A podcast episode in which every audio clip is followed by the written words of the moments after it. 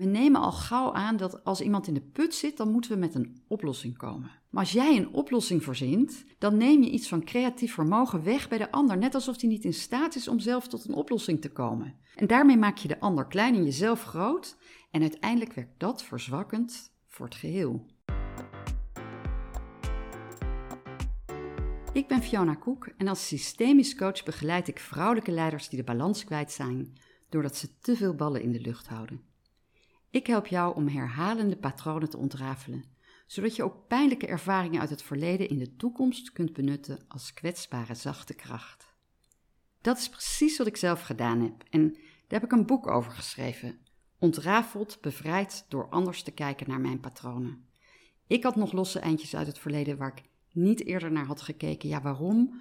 Omdat er schaamte op zat, angst om door de onderliggende pijn te gaan, loyaliteit naar het familiesysteem. Maar toen ik het uiteindelijk wel heb gedaan, heeft het me zoveel opgeleverd dat ik dacht: hier moet ik een boek over schrijven, want dit gun ik iedereen. Dus ik heb steeds stukjes systemische theorie toegevoegd aan mijn verhaal om uit te leggen waarom de dingen gaan zoals ze gaan. Met het gevolg dat het een boek is geworden vol met universele thema's, met kapstokhaakjes voor iedereen. En het heeft mij opgeleverd dat ik lichter in het leven sta, beter kan omgaan met uitdagende situaties, veel minder pijn heb in mijn lijf, meer rust ervaar en meer geniet. Met mijn podcast is het mijn bedoeling om jou te inspireren vanuit mijn eigen ervaringen, maar ook vanuit de herhalende patronen die ik steeds opnieuw tegenkom bij de klanten die ik begeleid. In de show notes vind je een link naar mijn website www.cookcoaching.nl.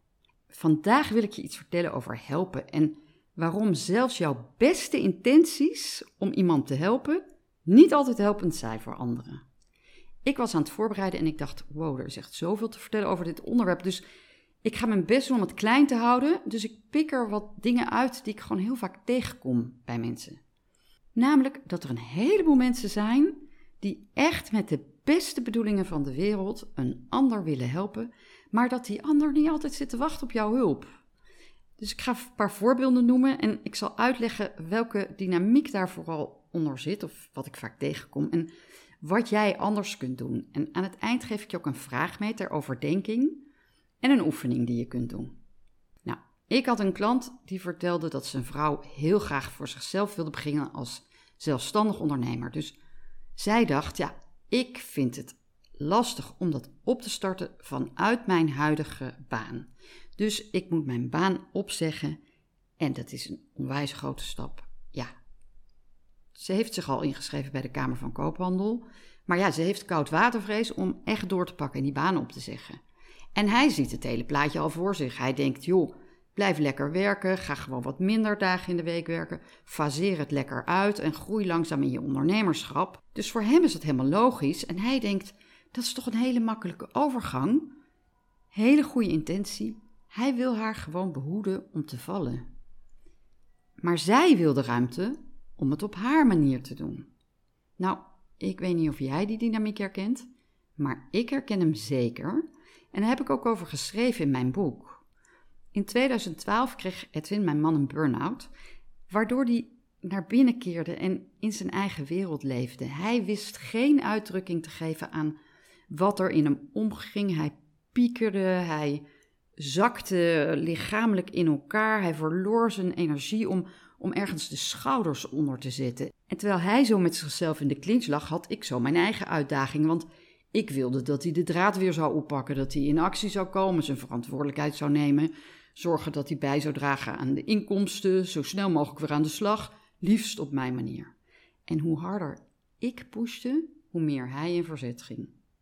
Een vriend moest mij erop wijzen hoe belangrijk het was dat ik Edwin de ruimte zou geven om zelf zijn eigen weg te vinden, om naar de bodem van zijn eigen put te zakken, want daar zou hij zich weer kunnen afzetten. En ik leerde in die tijd dat wij twee zielen zijn die ieder onze eigen weg te gaan hebben. Hij met zijn lot en ik met het mijne. En onderdeel van mijn lot was dat ik een man had die zich opnieuw moest uitvinden. En zijn lot was dat hij uit een dal wilde komen, terwijl hij een ongeduldige vrouw naast zich had die de boel graag onder controle wilde houden. Nou, toen ik dat doorhad, kon ik onderscheid maken tussen Wat is van hem en wat is van mij? En daardoor kon ik mijn eigen lot aankijken. Het hebben van een man met een burn-out. Punt. En een beetje controledrang hebben zelf. En dat gaf hem de ruimte om zijn eigen lot aan te kijken en in zijn eigen tempo zijn eigen weg te bewandelen. En als ik kijk naar de klant wiens vrouw voor zichzelf wil beginnen, dan spelen daar twee dynamieken. Hij heeft onvoorwaardelijk te vertrouwen in haar proces. Hij mag haar de ruimte geven en zeggen: Ik vang je als je valt. Ik ben er voor je. Doe het op jouw manier. En dat is precies zijn uitdaging: loslaten. En haar uitdaging zit vermoedelijk in het ontvangen, in het voelen dat ze helemaal tegen hem aan mag leunen en dat ze de ruimte mag pakken om de stappen te zetten die voor haar nodig zijn. Ja, dat is liefde. Ieder je eigen stuk onder ogen zien en de ruimte geven en de ruimte nemen. En we nemen al gauw aan dat als iemand in de put zit, dan moeten we met een oplossing komen. Maar als jij een oplossing verzint, dan neem je iets van creatief vermogen weg bij de ander, net alsof hij niet in staat is om zelf tot een oplossing te komen. En daarmee maak je de ander klein en jezelf groot, en uiteindelijk werkt dat verzwakkend voor het geheel. Die dynamiek van het goed bedoelen voor de ander, die kom ik heel vaak tegen. En hoe vertaalt zich dat? Nou, mensen die hun partner of anderen in hun directe omgeving willen, ik noem het altijd repareren, maar vanuit goede intenties zeggen: Ja, weet je, ik zie het enorme potentieel in deze persoon, maar hij of zij wil er niet aan werken en ik wil hem graag veranderen. Maar ja, dat leidt alleen maar tot hele grote frustratie bij allebei. Stel je voor dat jij in zo'n situatie zou zitten. Wat zou dat doen met jouw gevoel van groter of kleiner worden ten opzichte van de ander? En het mooie is, zodra ik klanten daarop wijs, dan geeft het opluchting. Zoiets van: Oh, dus ik hoef niks. Ik hoef hem op haar niet te veranderen.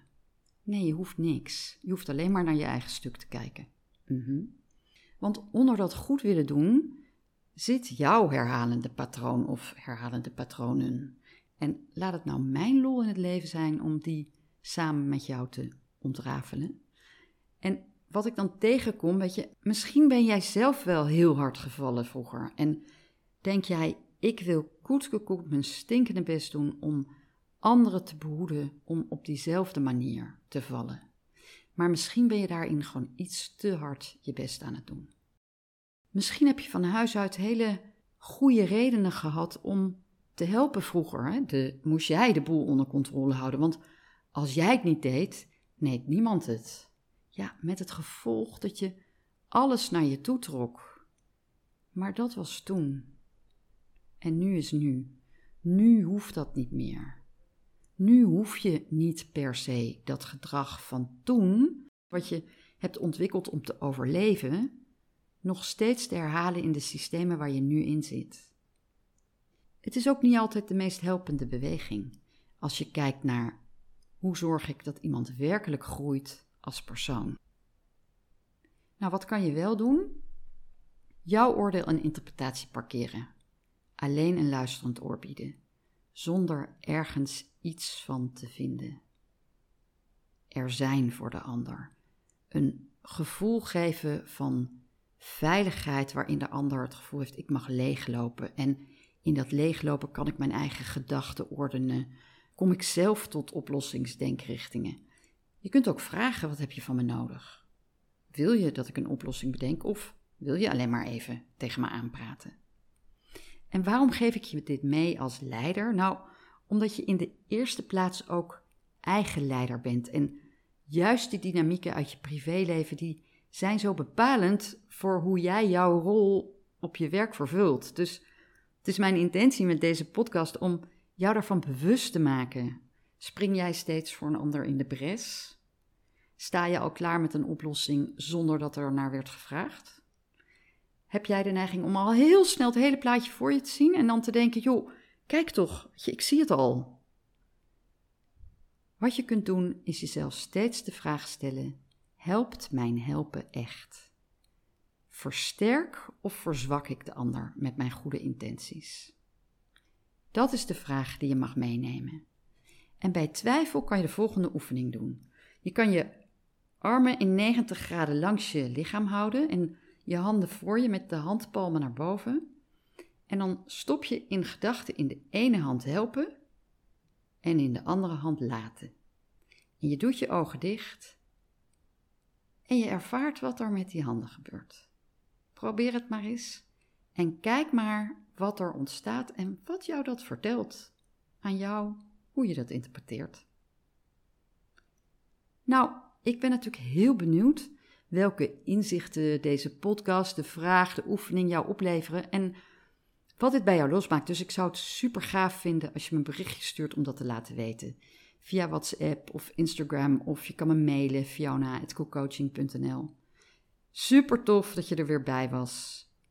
Dank je wel voor het luisteren naar deze aflevering van Ontrafeld, de podcast. En als je nou denkt, oh dat was een fijne aflevering, hier heb ik echt wat aan. Wil je hem dan alsjeblieft delen met anderen en mij taggen in de socials? Want weet je, je kunt ook een review geven, maar alles draagt bij aan dat het algoritme technisch, uh, dat de podcast beter gevonden wordt. En ja, daarmee creëren we samen een mooiere wereld. En heb jij nauwelijks ervaring met familieopstelling en systemisch werken en vraag je je af, wat is dat nou eigenlijk? Ik heb een hele laagdrempelige cursus, lees goedkoop. Een soort systemisch instapmodel, waarbij je jouw eigen plek in jouw systeem gaat ontdekken en wat het met je heeft gedaan, wat het met je doet. Je gaat herhalende patronen herkennen en ook zien, ah, wat heb ik te doen om het anders te doen. Je kunt ook live één op één een familieopzetting bij me doen of een coachingstraject gedurende vier maanden om patronen echt bij de wortel aan te pakken. En voor mensen die al heel veel laagjes hebben afgepeld, heb ik een prachtige vierdaagse waarin ik in een groepje van vier mensen nog verder meeneem de diepte in. En dan ga je echt herhalende patronen nog meer herhalen met elkaar. Dus je leert ook van elkaar, je spart met elkaar, je hebt echt heel veel aan elkaar. Maar je krijgt ook schrijfopdrachten. Dus ja, er gebeurt heel veel. Het is een opleiding van vier maanden en die doet een heleboel met je. Ik werk altijd systemisch en met familie- en organisatieopstellingen. Dus als je denkt, ah, dat wil ik wel, neem een kijkje op mijn website www.koekcoaching.nl. De link staat ook in de show notes van deze aflevering. Nou, dank je wel en tot de volgende!